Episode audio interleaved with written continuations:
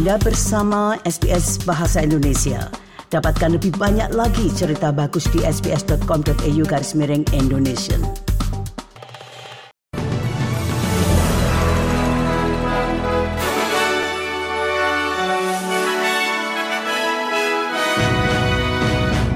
Berita terkini SBS Audio Program Bahasa Indonesia untuk hari Jumat 25 Agustus 2023. Menteri Pendidikan Jason Clare membela surat Komisi Pemilihan untuk referendum suara setelah pihak oposisi federal mengkritiknya karena membingungkan. Berdasarkan instruksi saat ini, Anda dapat menulis ya atau tidak, atau mencentang ya. Namun jika Anda menulis tanda silang untuk tidak, maka itu tidak akan diterima. Menteri Claire mengatakan kepada Channel 7 bahwa hal ini mencerminkan apa yang terlihat pada referendum tahun 1999 tentang apakah Australia harus menjadi sebuah republik atau tidak. You know, part of the argument they're making is this is going to cause a heap of confusion.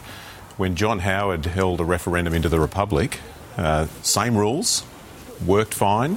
Uh, I think there were less than 1% of votes were informal. So I think that pricks the bubble of this argument that this is going to cause some sort of confusion. Pihak oposisi menegaskan jika sebuah tanda centang dapat dihitung sebagai ya, maka sebuah tanda silang harus juga dihitung sebagai tanda tidak. Wakil pemimpin oposisi Susan Lay mengatakan kepada Channel 7 bahwa pemerintah harus menulis surat kepada Komisi Pemilihan untuk meminta penjelasan mengenai surat suara. This is the modern era, and we have a lot more Australians who don't speak English, and we want everyone to vote at this referendum. So, quite simply, what would people think? A tick is yes, a cross is no. Uh, I actually would expect Jason and his team to be writing similarly to the AEC to actually ask for the rules to be fair. Pemerintah federal telah menyampaikan rencana terbarunya untuk pengelolaan lembah sungai Mari Darling, salah satu sistem sungai yang paling rumit dan penting di Australia. Australia Selatan, Queensland dan New South Wales telah menyetujui rencana baru tersebut, namun Victoria menolak untuk menandatanganinya. Menteri Lingkungan Hidup Tanya Plibersek telah mengumumkan revisi rencana itu yang diharapkan dapat mengatasi kekhawatiran itu dengan memperpanjang tegak waktu dan mendanai pengembalian air ke sistem sungai melalui pembelian kembali. The Murray-Darling Basin Plan is a, an incredible piece of cooperation between the Commonwealth and the Murray-Darling Basin states and the ACT. Uh, it came out of a period of environmental catastrophe and it's designed to avoid another environmental catastrophe. Kita menuju ke luar negeri, di mana tim penyelamat di Moskow menemukan 10 mayat dari tujuh penumpang dan tiga awak pesawat jet pribadi yang jatuh pada hari Rabu 23 Agustus setelah lepas landas di Moskow dalam penerbangannya ke St. Petersburg. Diperkirakan pos pasukan bayaran Wagner, Yevgeny Prigozhin, termasuk di antara penumpang yang tewas itu.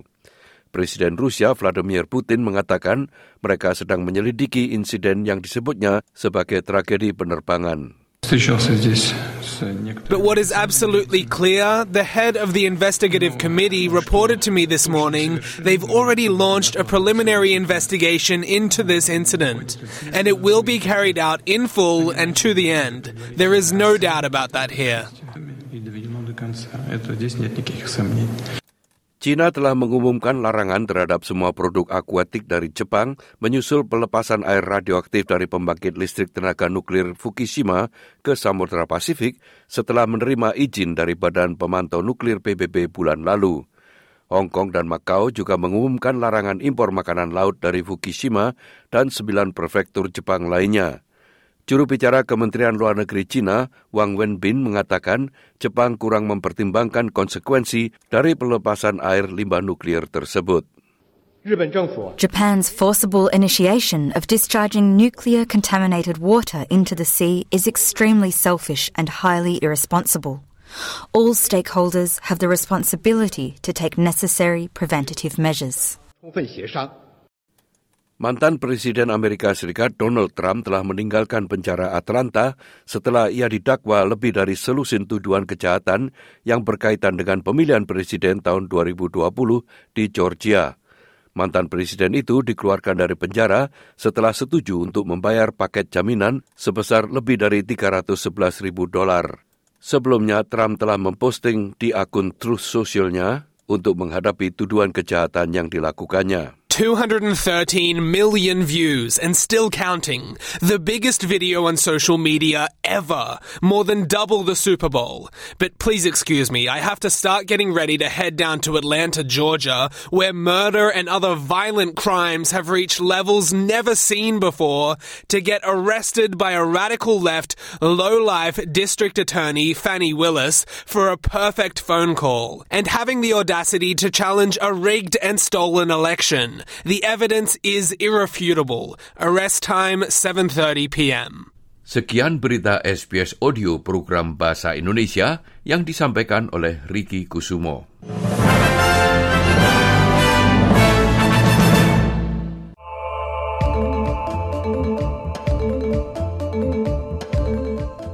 Anda dapat menghubungi kami melalui telepon pada nomor 1800 500 727 atau melalui email pada alamat indonesian.program at sbs.com.au.